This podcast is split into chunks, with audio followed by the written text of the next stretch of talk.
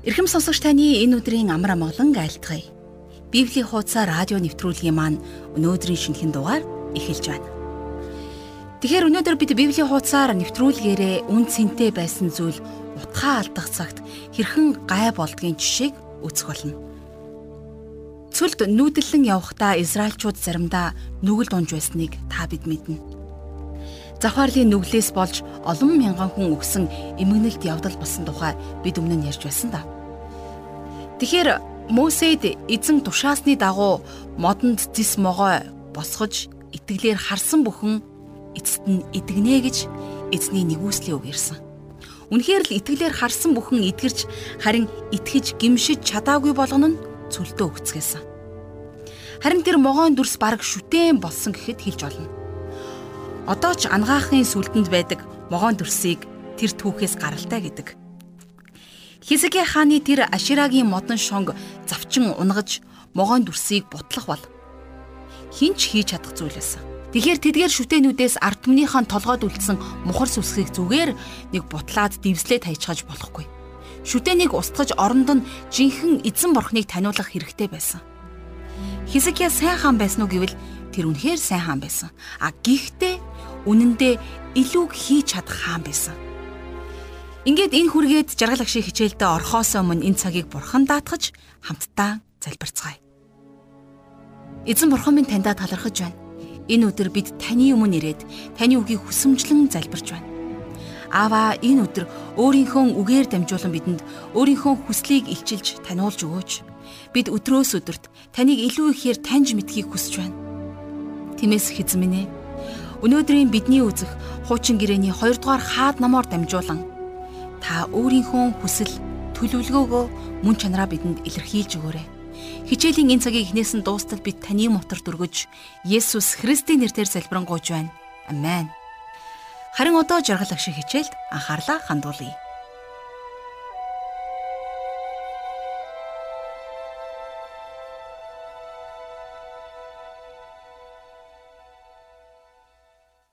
За өмнөх хичээлээр амлсан ёсороо бид өнөөдөр 2 дугаар хаад номын 18 дугаар бүлгээс Хизикия гэдэг нэртэй хааны амьдралыг илүү дэлгэрэнгүй үзэх болно. Тэгэхээр Хизикия хаан бол их онцгой хаан байсан. Тэрний хаанчлалын тухай бид нэр 2 дугаар шаштар ном болон за Исаи номон дээрээс бас нэмж үзэх болно. За өнгөрсөн хичээлээр бид хамтдаа хойд Израиль улс хэрхэн яаж мөхсөн тухай үздэгсэн. За хойд Израилийн ард түмнийг ассирчууд цөллөгт авч явсан. За тэгээд яагаад ийм эмгэнэлтэй үйл явдал болсон гурван үндсэн шалтгааныг бурхан өөрөө хэлсэн байдаг. За хэрвээ та санаж байгаа бол нэгдүгээрт бурхны өмнө тэд нэр дуулуургүй байсан. За хоёрдугаар тэд нэр бурхны өмнө зөрүүд байсан. За тэгээд эцэст нь буюу гуравдугаарт нь тэд бурхнаа эсэргүүцсэн учраас бурхан хойд Израильчуудыг ассирчуудын гарт өгсөн байдаг. За энэ үйл явдал болж явах энэ зуур өмнөд Юда улсад нэгэн гайхамшигтай агуу сайн хаан гарч ирсэн нь Хизкия хаан байсан юм. Тэгэхээр энэ цэгээс эхлээд бид нар зөвхөн өмнөд Юда улсын түүхийг үзэх болно. Яагад гэвэл хойд Израиль улс газрын хөрснөөс арчигдсан байсан учраас. За бурхан Юдаг яагаад цөллөгт явуулаагүй юм бэ гэвэл Юдагийн хаадын дунд цөөн боловч сайн хаадууд байсан. Бид нар улс үндэстнээ бурхан эзэн рүү эргүүлдэг хаадууд байсан юм. За тэгвэл өнөөдрийн бидний нэлийн дэлгэрэнгүй үзэх Хизкия хаан болвол энэ сайн хаадуудын нэг нь байсан. За нарийн дав бол Хизкия хаан Давид хааны дараа гарч ирсэн хамгийн сайн за хамгийн зөвхт хаан байсан гэсэн үг. Ингээд хамтдаа 2 дугаар хаад номынхон 18 дугаар бүлгийг дэлгээд нэгээс 3 дугаар ишлэлийг уншъя. Израилийн хаан Илагийн хүү Хошиягийн 3 дугаар онд Юдагийн хаан Ахазын хүү Хизкия хаан болов. Тэрээр хаан болохдоо 25 настай байсан бөгөөд Иерусалимд 29 жил хаанчлав. Түүний эхийг Зихараигийн охин Аби гэдэг байв. Тэр өвөг эцэг Давидын хаан хийсний адил эзний мэлмид зөв зүйтэйг үйлдлээ. За тэгэхээр сая бид нар уншлаа тийм ээ. Хизкия хааны аав Ахаз хаан болвол үнэхээр хамгийн бузар муу хаан байсан шүү дээ. Харин хүү болох Изекия нь үнэхээр гайхалтай зөвхт хаан болон хувирсан. Тэгэхээр эндээс харах юм бол Хизекиягийн ээж Зихариягийн охин Аби үнэхээр мундаг бурхамлаг эмэгтэй байжээ гэсэн дүгнэлтэнд хүрч болохоор байна. За цааш нь дөрөвдүгээр ишлэлээс үргэлжлүүлэн уншийе. Тэрээр мөргөлийн өндөрлгүүдийг зайлуулан онг багнуудыг хуглан хэсэглэж Аширагийн шонгуудыг цавчин хайжээ. Бас тэр өдрүүдийн хүртэл Израилийн хөвгүүд Мосегийн бүтээсэн зис могойд утлаг уугуулж түүнийг Нихуштан гэдэг байсан тул тэрхүү зис могойг тэрээр сэглэж хаялаа. За эндээс харах юм бол Хизкия хаан бол үнэхээр агуу хүн байсан байна. Тэрний удирдлагын доор улс үндэстэн сэргэн мандсан. Хотл хуурмаг шүтэнүүдийг бүгдийг нь арчин нурааж үнэхээр сүнсний хувьд тэд нэр шин удирлыг хүлээж авсан байна. За төрийн жолоог Атмагца Хизки хамгийн түрүүнд газар нутгаас хотл хуурмаг шүтэнүүдийг зайлуулж эхэлсэн байгаа биз. Тэгэхээр энэ ишлэл дээр цүлд байхдаа Мосегийн бүтээсэн зис могооны тухай гарч байна. Хэрвээ та санаж байгаа бол энэ тухай бид нар хамтдаа тооллого номын 21-р бүлгийг судалж байхдаа үздсэн байгаа. Тэгэхээр Мосегийн бүтээсэн тэрхүү зис могойг энэ гайхамшигтай үйл явдлын дурсгал болгон сүмд хадгалсаар байсан байна. Харин нэг л өдөр Израильчууд тэр зис могойг шүтэж эхэлсэн байдаг. За хэрвээ та санаж байгаа бол цөлд байхдаа Израильчууд бурхны эсрэг дуулуургүй байдал гаргасан учраас бурхан тэднийг шийтгэж хорт могоонуудыг илгээсэн байдаг шүү дээ. За тэгэд могоод хатгуулсан хүн бүр итгэлээрээ Мосегийн хийсэн энхүү зис могоо руу харах юм бол тэд нар бүрэн эдгэрч аврагдаж байсан. За энэ гайхамшигтай түүхийг эргэн санаж энхүү зис могоог харахтаа Бурхныг хүндлэхийн оронд тэд нар эсэргээрээ энхүү зис могоог шүтэж эхэлсэн байгаа юм. Өөрөөр хэлэх юм бол энэ зис могоо эргээд тэдний хувьд тэдний шүтэн буюу бүдрүүлэх чулуун болсон. За тэгээд Израильчууд энэ зис могооны утга учирыг нь бүрэн мартсан байсан.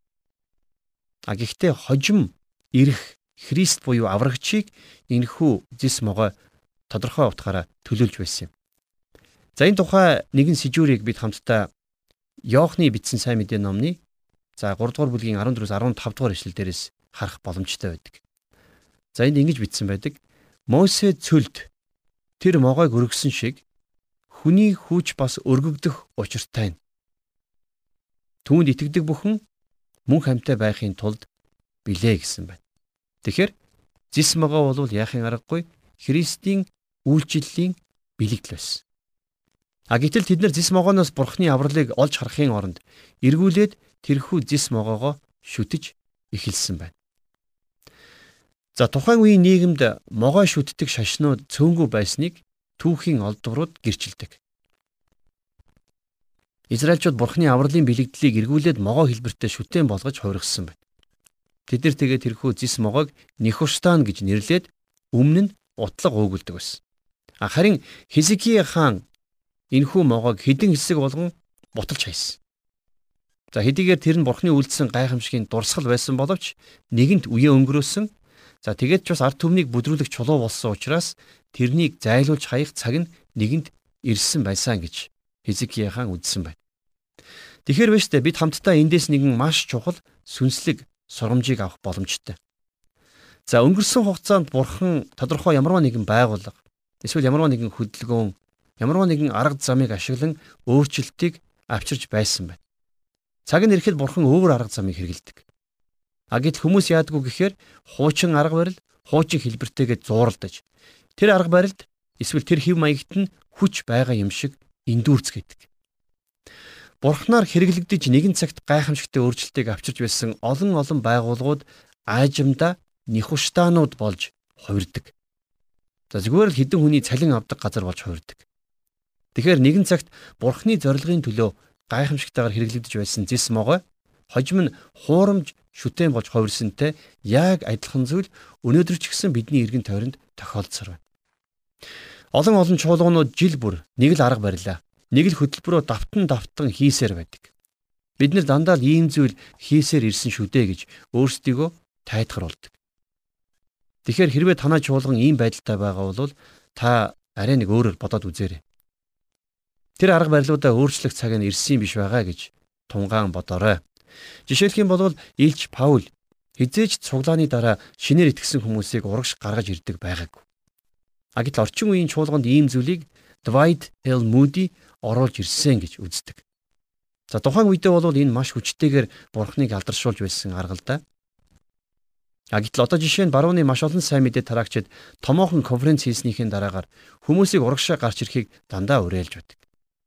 За заримдаа энэ нь өөрөө үйлчлэлийн том саад болж хувирна. Тэгэхээр бурхан мүдийгээр ийм зүйл хийлгэхээр өдөртсөн байж болох юм. Гэхдээ таныг ийм зүйл хий гэж хэлэхгүй ч байж болно шүү дээ.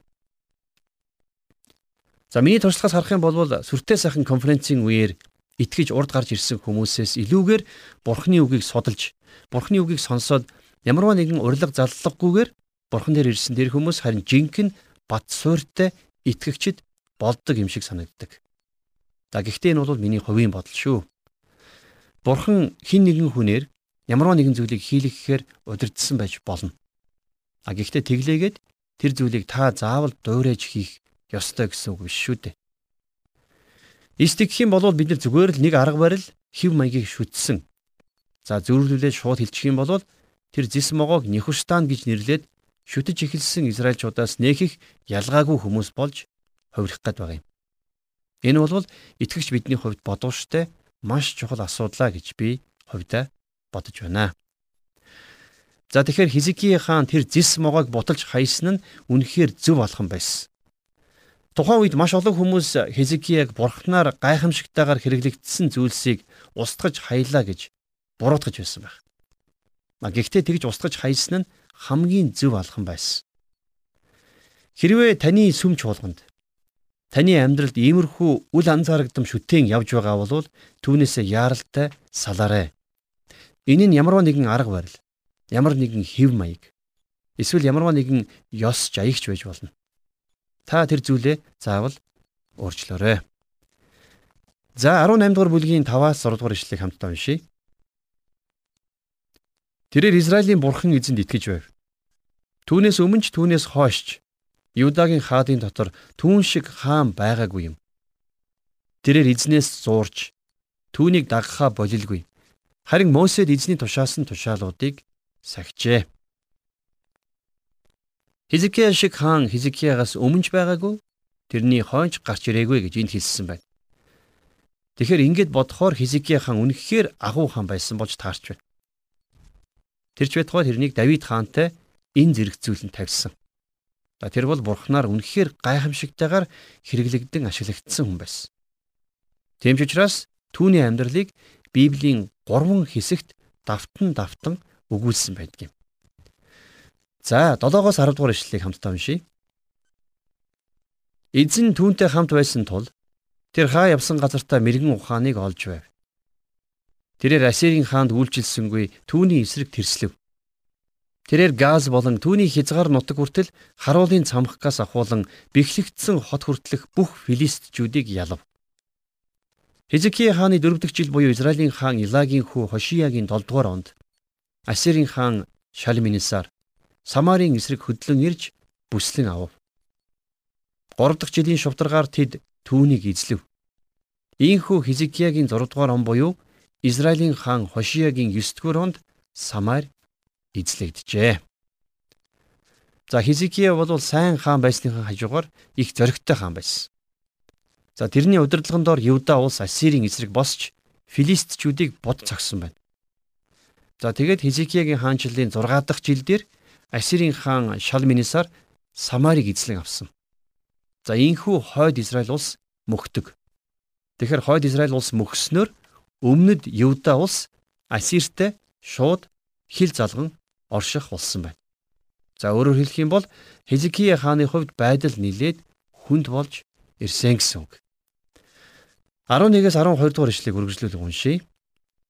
Тэгээд Ассирийн хаан Израильчуудыг авч явж тэднийг Гозаны голын дэргдэх Хала болон Хаборт мөн Мидийн хотуудад сууршуулжээ.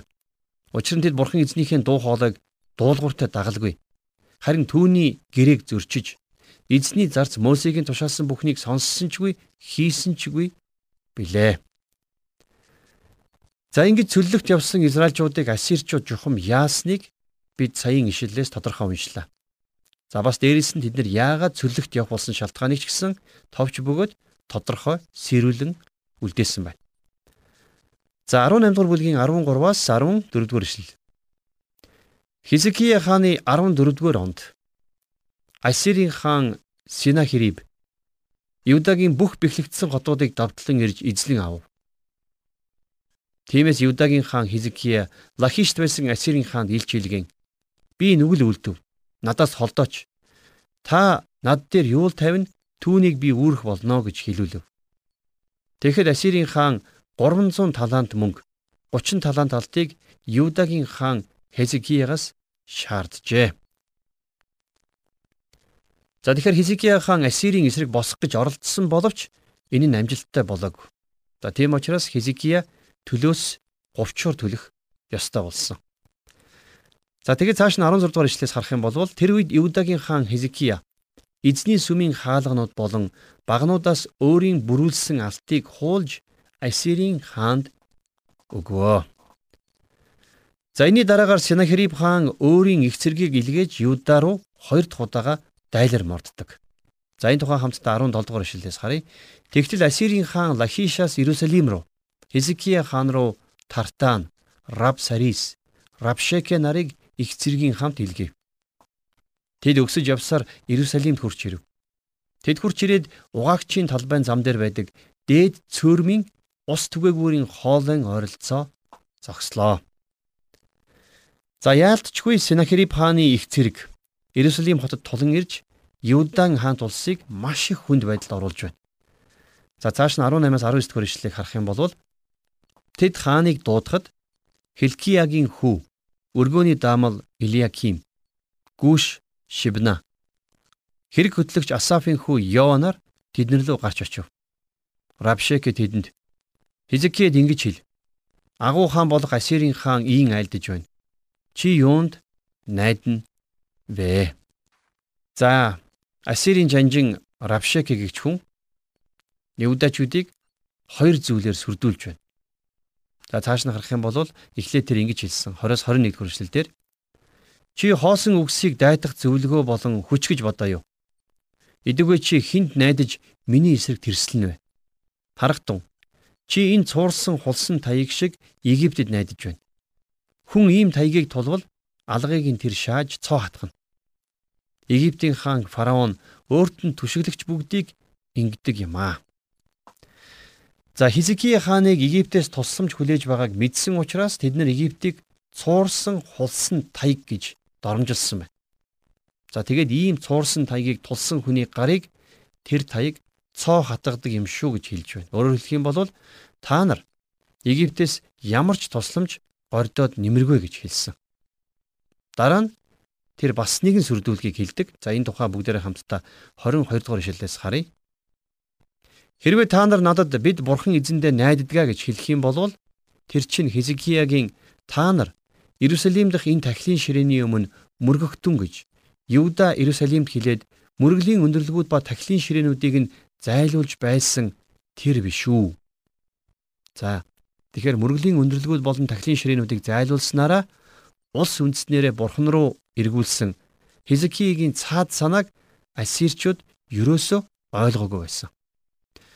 Ассирчуудын бодлоор бол бурхандаа аль болох олон тахилын ширээ, аль болох олон мөргөлийн өндөрлөг босговол сайн гэж бодож байсан байна.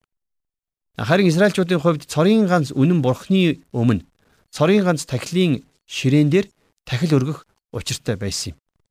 Тиймээс Хизикайгийн энхүү үнэн зөв алхмыг тэд нэр ойлголгүй. Харин ч бүр гутаан доромжилсан. 23 дугаар ишлэгийг уншъя. Тиймээс одоо ирж миний эзэн Ассирийн хаантай мөрий тавь. Хэрв чамд унах хүн байвал би чамд 2000 агт өгье гэсэн байна. За энэ доромж үгнээс бид нэр Юдагийн хүн хүч цэрэг армийн байдлыг тодорхой харах боломжтой байна. Тэгэхээр Ассирийн хаан Юдачуудыг 2000 хүрэхгүй цэрэгтэй гэж доогөлсон. За 26 дугаар ишлэлийг үргэлжлүүлэн харах юм бол Тэгэхэд Хилкиягийн хүү Иляким, Шибна, Йоанар, Равшекад "Идүгэ та боолуудтайгаа арам хэлээр ярих тун. Бид ойлгоно. Харин хэрэмдэр байгаа хүмүүс сонсогдохоор юуда хэлээр бидэнтэй бүү ярих тун гэв.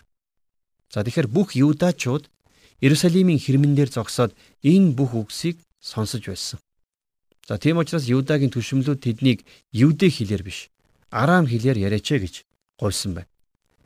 Мэдээж ассирчууд зориуд юудэ хэлээр ярьж байсан. Яагад гэхлээр тэд нар хотын ард иргэдийн сэтгэл санааг үүмүүлэх зорилгоор зориуд ийм зүйлсийг чангаар ярьж байсан.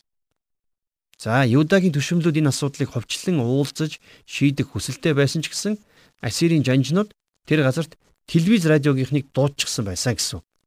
Тэгэхээр тэдний яриаг хот даяараа сонсох боломжтой байсан байна. 18 дугаар бүлгийн 28-аас 29 дугаар ишлэлдэр хамтдаа ирлээ. За энд ингэж бичсэн байна.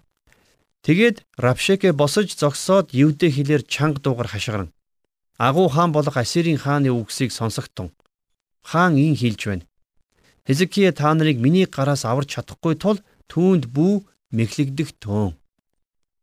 За ёстол дайсны сэргүүдээ сонсцгоо гэдэг шиг тэрээр энд зориуд хүмүүсийн тархийг угаах алхмыг хийж байгааг бид нар харж байна. Тэгэхээр бүслэлтэнд орсон хотын иргэдийг өөрийнхөө тал татаж оруулахын тулд Ассирийн жанжин зориуд бүх хүмүүс сонсогдохоор чанга цорайтуулан ярьж байсан. За ухуулж эхэлсэн гэсэн үг тийм ээ. За цааш нь 18 дугаар бүлгийнхээ 30-аас 32 дугаар ишлүүдийг хамтдаа харъя. Түүнчлэн эзэн биднийг заавал аварна. Энэ хотыг Ассирийн хааны гарт өгөхгүй гэж. Та нарыг эзэнд итгүүлэхийн төлөө Хизкиягийн хилж буй ятгалганд бүү ор. Хизкияг бүү сонс. Учир нь Ассирийн хаан ингэж хэлж байна. Надтай инхийн гэрээ байгуулж над руу гарч хэрэгтэн. Тэгвэл танаа хүн нэг бүр өөрийн усан үзэм инжирийн модны жимсийг идэж өөрийн нөөцлүүрийн уснаас ууцгаана. Би ирж танай төрлөх нутагтай адил үр тариа, шин дарс, талах, усан үзмийн тариалан болон зөгийн бал чидүү моддын нутагт та нарыг аваачих хүртэл ийм байх тун. Ингэснээр та нар өхгүй амьд үлдэнэ. Харин Хизкие та нарыг эзэн биднийг аварна гэж төөрөлдүүлэхийг нь битгий сонссоо гэж. Тэгэхээр евдээчүүдийг бууж өгөхийг уриалж байгааг бид эндээс төвөггүй харж болохоор байна. За Хизкие хаанч тэр Бурхан ч тэр тэднэр туслахаас өнгөрсөн гэж тэднэр дахин дахин давтаг хэлж байгаа биз? Бууж өгөх юм бол амь хэлтрүүлнэ гэж ухуулж байна. За та нар хэрвээ бууж өгөх юм бол нутагтаа хэсэг хугацаанд амьдарч болно. За тэгээд дараагаар нь та нарыг үржил шимтэй сайхан газар нутаг руу шилжүүлэн суулгах болно гэж амласан байна. За цааш нь харъя. 33-аас 35 дугаар ишлэл. Улс үндэстнүүдийн бурхтын дотроос Ассирийн хааны гараас газар нутгаа аварсан ямар нэгэн бурхан байна уу? Хамат Арпадын бурхад хаан байна вэ? Сифараим, Хина, Ивагийн бурхад хаан байна. Тэд нар Самарыг миний гарнаас аварсан уу? Эдгээр газруудын бүх бурхны дотроос хэн нь гараас минь газар нутгаа аварсан юм бэ? Тийм байтал эзэн гараас минь Иерусалимыг аварна гэж юу гэвэ? За Равшекигийн хувьд энэ бол хамгийн хүчтэй цохилт нь байсан бол тоо. Тэдний гараас Ассирийн хааны гараас ямар ч бурхан ямар ч ард түмнийг аварч гарч чадаагүй юм шүү гэдгийг тэр энд сануулan хэлж байна. А гэхдээ харамсалтай нь тэр нэг зүйлийг мдээгүй байсан. Тэдний эзэлсэн газар нутгуудын бурхт нь ердөөсөө бурхан бишээ гэдгийг тэр мдээгүй байсан. За харин жинхэнэ бурхан бол аль нэг газар нутгийн бурхан биш. Харин бүх дэлхийн орчлын ертөнцийг бүтээсэн цорын ганц бурхан гэдгийг тэр ердөөсөө ойлгоогүй байсан юм. За ингээд цааш нь 36 дугаар ишлэгийг харах юм бол гэвч хүмүүс чимээгүй байж түүнд нэг ч үг хариулсангүй. Учир нь хаан түүнд бүх хариулах тун гэж тушаасан байлаа. За тэгээд Равшакигийн энхүү бүх ухуулга нь сонсож байгаа хүмүүст ямар сэтгэл төрүүлснийг бид мэдэхгүй. А гэхдээ ямартай ч бүслэлтэнд байсан юудачудаас нэг ч хүн юу ч дуграагүй гэж бичсэн байна. Тэгэхээр би дараа дараачихаа хичээлээр Юдагийн амьд бурхныг доромжилсан ассирчуудад чухам юу тохиолдсон тухай их сонирхолтой зүйлийг дэлгэрэнгүй үзэх болно.